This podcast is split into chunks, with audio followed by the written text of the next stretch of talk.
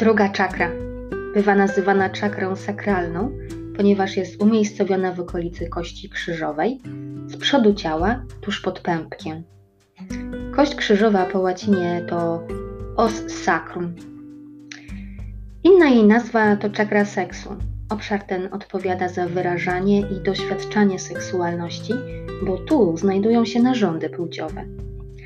Podczas gdy pierwsza czakra związana jest z inkarnacją i przetrwaniem na planecie, czakra sakralna odpowiada za relacje z ludźmi i poczucie przynależności.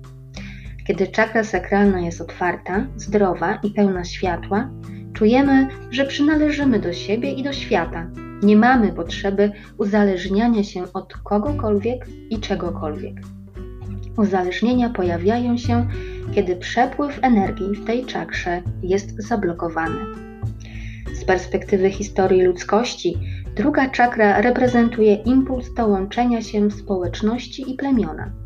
Jako plemię potrafiliśmy lepiej bronić się przed groźnymi zwierzętami, byliśmy skuteczniejsi na polowaniu i w organizowaniu codziennego życia.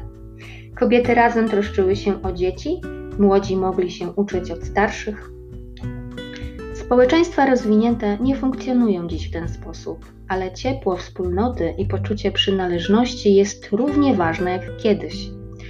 W drugiej czakrze dominuje Ida, czyli kanał, którym płynie żeńska energia.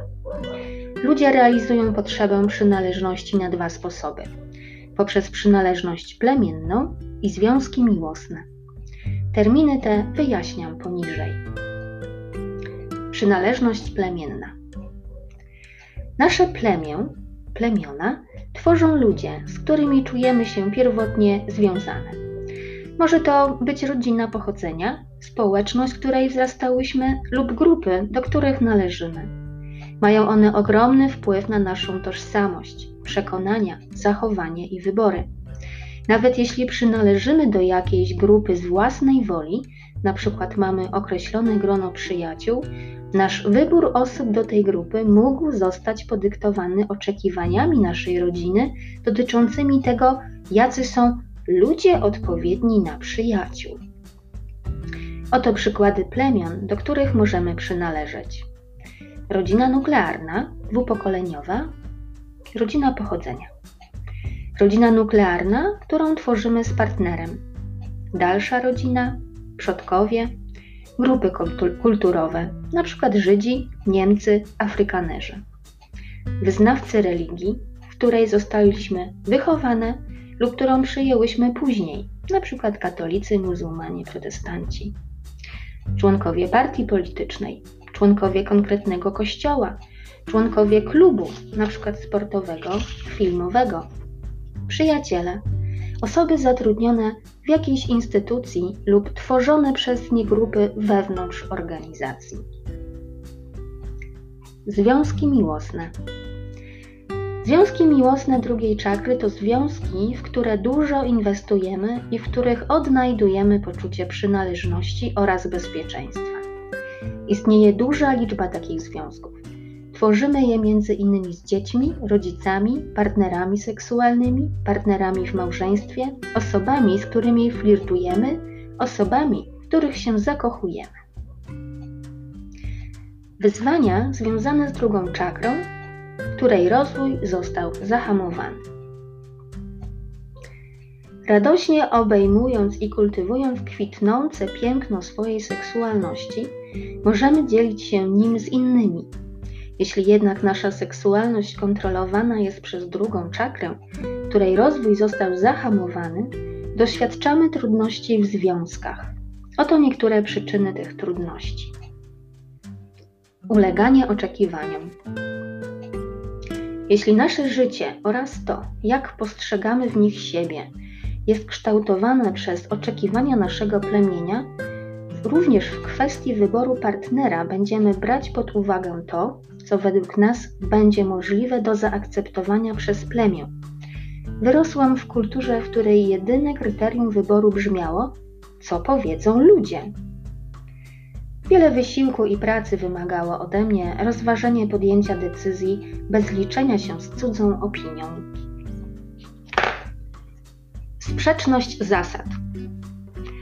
Na kształt relacji często wpływają niepisane zasady i różne oczekiwania, które z kolei są wynikiem przyjęcia pewnych założeń co do funkcjonujących między stronami umów. Przyswajamy te założenia w trakcie procesu wychowania, w którym nasi rodzice przekazują nam to, co im samym zostało wpojone. W ten sposób wiedza ta przechodzi z pokolenia na pokolenie. Pamiętam jeden ze swoich wczesnych związków, który wprowadził wiele zamieszania w mój system założeń. Mężczyzna, z którym wtedy byłam, dzwonił do mnie o 17 i mówił, żebym przyjechała do niego z lodami i szampanem. Zjadaliśmy je potem w łóżku.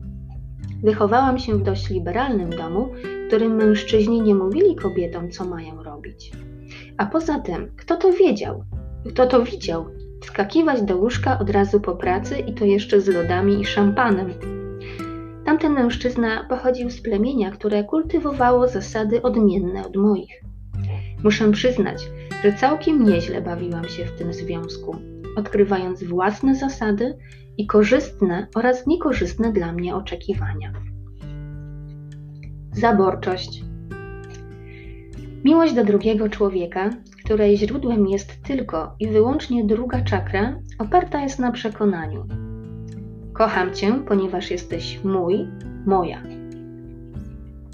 Dlatego zazdrość jest taką, taka pociągająca.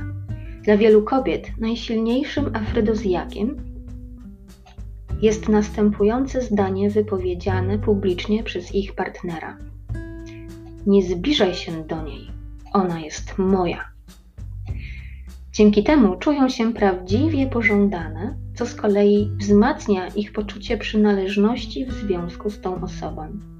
Niestety, taka forma miłości jest często warunkowa i sprawia, że łatwo możesz ulec obsesji. Jeśli czujesz się kochana tylko wtedy, kiedy masz pewność, że partner należy wyłącznie do ciebie, żyjesz w nieustannej niepewności i strachu, że cię zdradzi, nawet wtedy, kiedy jest z tobą Zastanawiasz się, czy naprawdę z Tobą jest.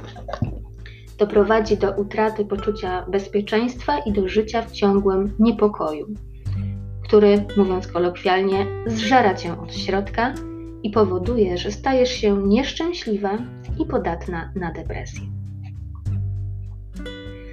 Tematy drugiej czakry. Praca z integracją wzorców zachowania związanych z drugą czakrą przynosi zaskakujące rezultaty.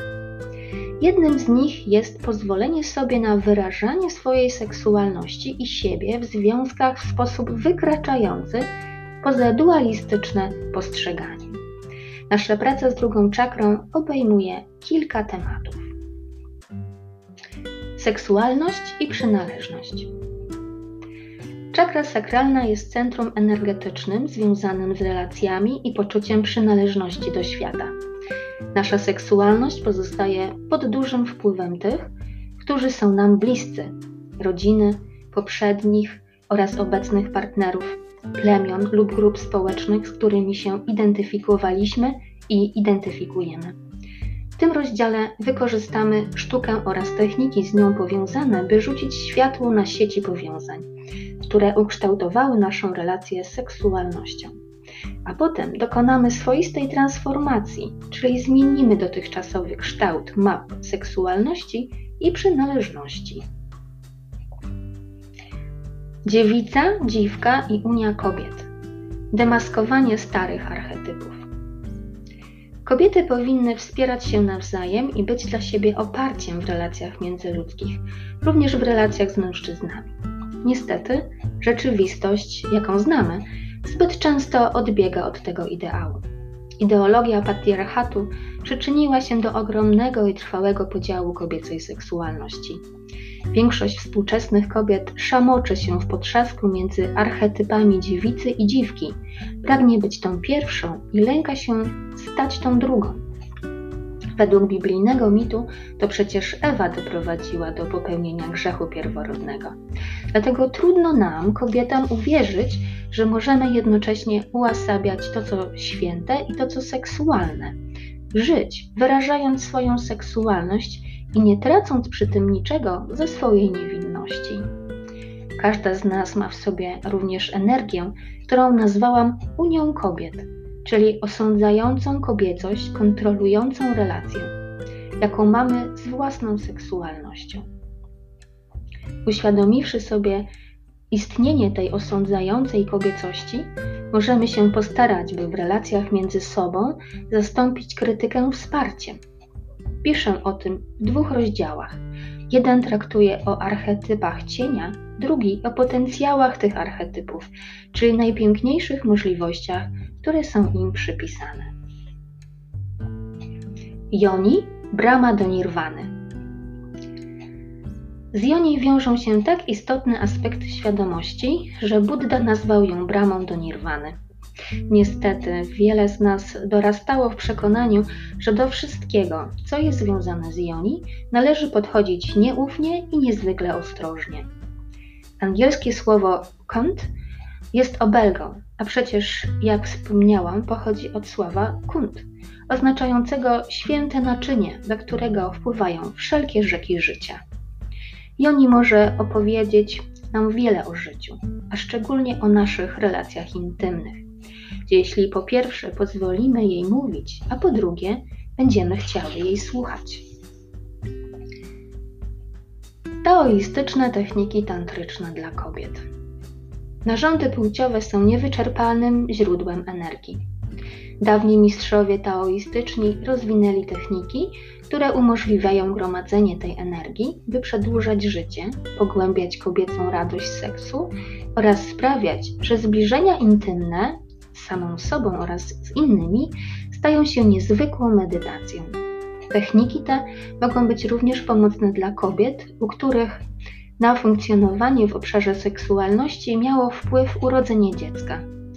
W rozdziale o tym tytule zamieściłam wiele przykładów taoistycznych technik tantrycznych dla kobiet do samodzielnego wykonywania.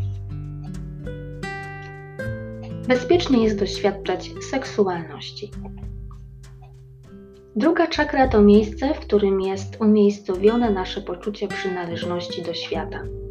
Wiele kobiet i wielu mężczyzn miało doświadczenia, na podstawie których uwierzyło, że niebezpiecznie jest otwierać, jest otwarcie doświadczać swojej seksualności lub ją wyrażać, chyba że czyni się to w konkretnie zdefiniowanych warunkach. W tym rozdziale opisuję sposoby, które pomogą Ci poczuć się bezpieczniej, a co ważniejsze, przedstawię proces, którego wyniku przyjrzysz się swojemu wewnętrznemu programowi wpływającemu na Twoje poczucia bezpieczeństwa w świecie.